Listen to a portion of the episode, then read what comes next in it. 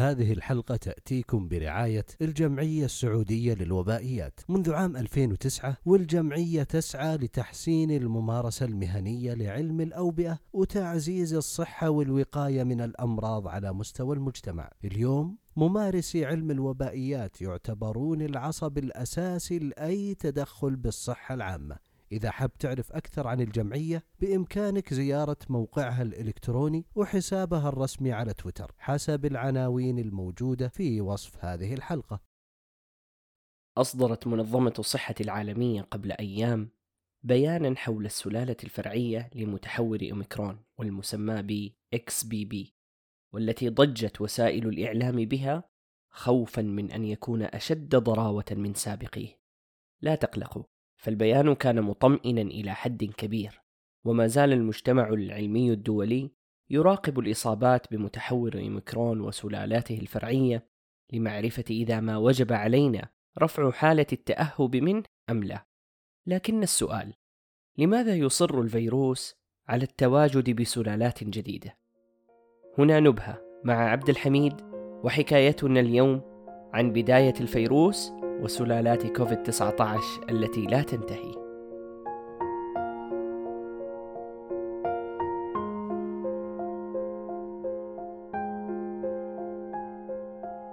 اليوم أصبح من الطبيعي جدا أن نسمع في حديث العمل والسمر أن فلانا أصابه فيروس معين أو بكتيريا معينة.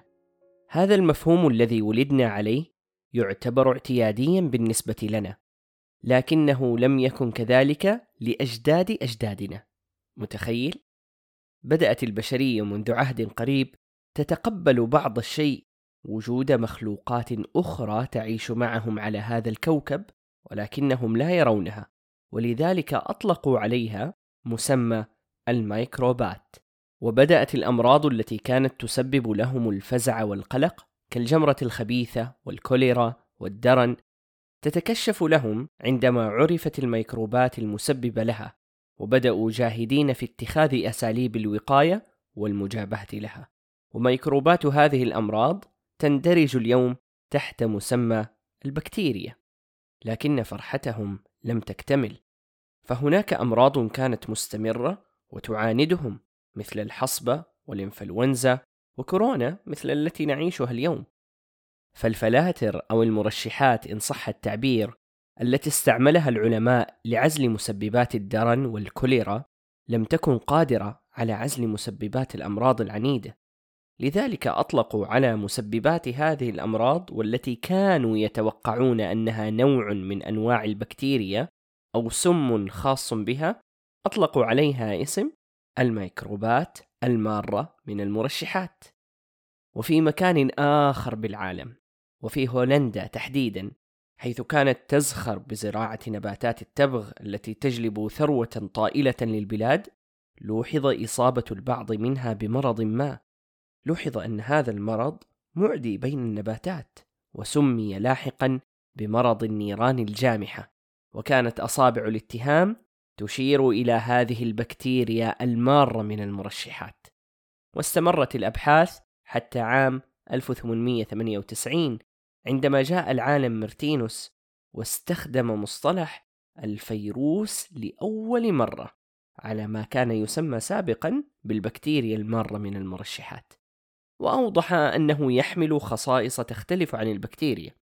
ومنذ ذلك الوقت ظلت البشرية تتكهن بمحتوى وتركيبة هذا الميكروب والتي لم تعرف إلا في عام 1939 عندما تم اكتشاف المجهر الإلكتروني وتيقنت البشرية أنها تواجه ميكروبا فريدا من نوعه مختلفا عمن سبقوه.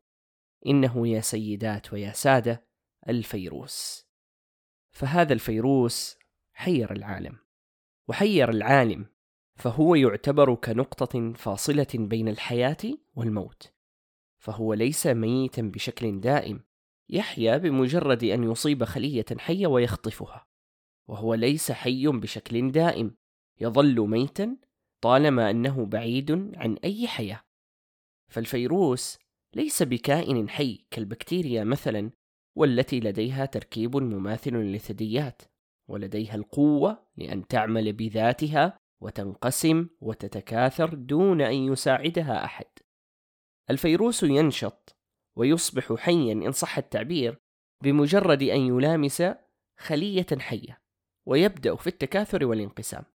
وإذا نظرنا إلى مقولة أحد علماء الفيروسات جورج كلاين أغبى الفيروسات يفوق ذكاؤه أذكى عالم فيروسات لعلمنا تعقيد العالم الذي سوف نتعرف عليه من طبيعة الفيروسات عندما تنقسم أو تتكاثر أن تنتج طفرات فيروسية جديدة وذلك لنظامها الطبيعي المتأصل فيها وأيضا لعدم تواجد نظام التنقيح والتصحيح لشفراته الوراثية كما هو موجود لدينا في خلايانا على سبيل المثال. لنأخذ الفيروس الأشهر اليوم والذي نعيش في فترة وبائه العالمية منذ بدايته في أواخر 2019 فيروس سارس 2 المسبب لمرض كوفيد 19 والذي نتداوله عاميا باختصار بفيروس كورونا. عدد متحورات هذا الفيروس حتى يومنا هذا كثيرة جدا جدا جدا. وهناك مواقع متخصصة في تتبع هذه التحورات وسلالاتها. فلو سمعنا مثلا أن شخصا أصيب اليوم بكوفيد 19 فهو بالتأكيد أصيب بالفيروس سارس 2 لكننا لا نعلم بالضبط ما نوع هذا المتحور الذي أصيب به. هل هو متحور أوميكرون أم متحول دلتا أم غيرهما؟ والسؤال هنا لماذا اليوم نتتبع المتحور ولا نكتفي باسمه العام؟ عندما تتكاثر الفيروسات يحدث بها طفرات مما ينتج لنا فيروسات بمتحورات جديدة وغالبية هذه الفيروسات لا تختلف في خصائصها الوظيفية كثيرا عن الفيروس الأصلي لكن بعض المتحورات قد تحمل بعض التغيرات الوظيفية أو التركيبية سواء كانت هذه التغيرات إيجابية أو سلبية. من هذه التغيرات مثلا الزيادة في قدرة الفيروس الهجومي على القتال أو اكتساب خصائص جديدة لأن يختبئ من هجمات جهاز المناعه بجسمنا أو ربما زيادة دفاعاته في التصدي لأدوية مقاومة الفيروسات أو ربما أيضا أن يتكاثر بشكل أسرع. وكل هذه الميزات التي تصب في صالح الفيروس قد تجعله يطغى على جميع إخوته المنتشرين في العالم فيكون البطل بين عائلته الفيروسية بإصابته لأكبر عدد من البشر. وبذلك يتربع على قائمة أكثر متحور مسبب للمرض. وقد تكون هذه التغييرات عكسية مما يهدد حياة الفيروس للانقراض. وأكبر مثال لدينا فيروس الحصبة الحالي. فسلالة الزمن الحاضر يقدر عمرها من 100 إلى 200 عام فقط رغم أن الحصبة أصابت البشرية منذ زمن بعيد. وهذا يعني أن السلالة الحالية تمتعت بقدرات ما جعلتها هي السائدة مقارنة بالسلالات الأخرى السابقة. لنعد إلى كوفيد 19 بعد قرابة السنة من إعلان أول حالة لكوفيد 19 بدأت الصحف والمواقع تتناقل بشدة هذا المتحور الجديد من فيروس سارس 2 الذي ظهر وأطلق عليه متحور أوميكرون وكانت نقطة خطورته أن قوة انتشاره تعتبر أكبر من كل المتحورات السابقة. لكن المطمئن أنه أخف ضررا في تسببه بحالات شديدة المراضة أو الوفاة مقارنة بغيره.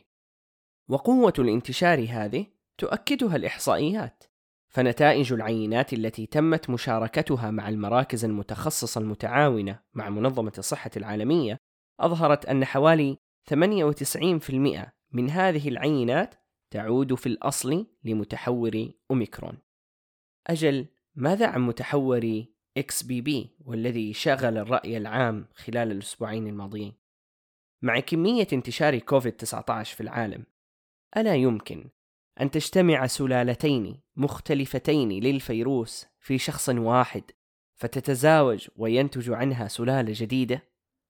نعم، هذا وارد وهو بالضبط ما حصل لمتحور XBB رغم أن الدلائل العلمية لا توضح متى وأين حدث هذا بالضبط.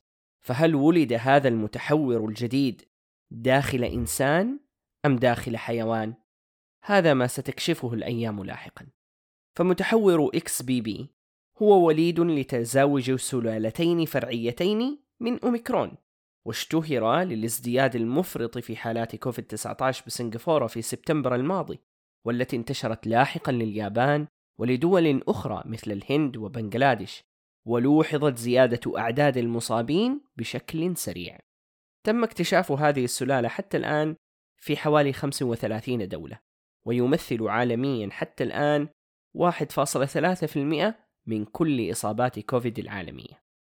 ولعل ما يميز هذه السلالة الفرعية وسلالتها الأم أوميكرون هو القدرة المتزايدة على إعادة إصابة الشخص مرة أخرى بكوفيد 19 هناك أيضا سلالة أخرى تراقب وترصد عن كثب وهي سلالة فرعية من أوميكرون وتسمى بسلالة BQ.1 والتي تسببت في 6% من جميع إصابات كوفيد العالمية.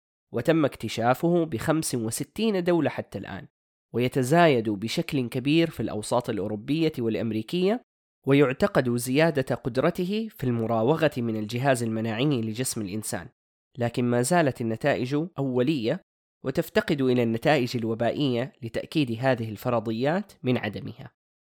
عموما، طالما أن الإصابات تسجل فذلك يعني مزيدا من التحورات، لكن الجانب المشرق من هذا الموضوع.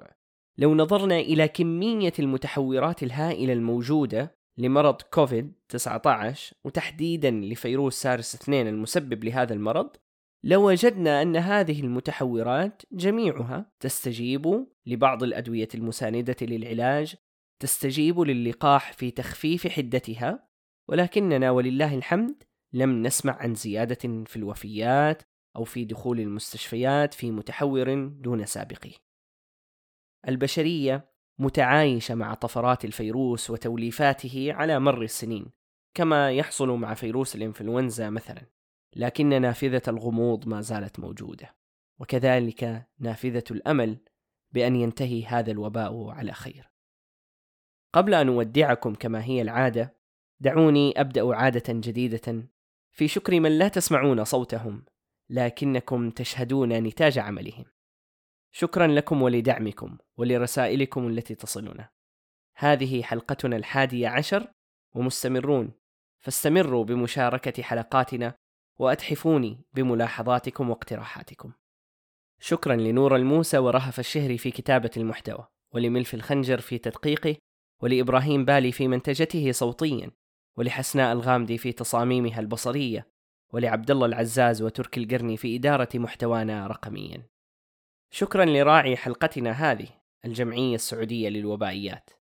أخبروني على بريدنا الإلكتروني أو صفحاتنا بوسائل التواصل الاجتماعي. ما هي المواضيع التي تحبون أن نسلط عليها الضوء ونحمل في طياتها أجوبة لأسئلتكم؟ كونوا بصحة في وداعة الله.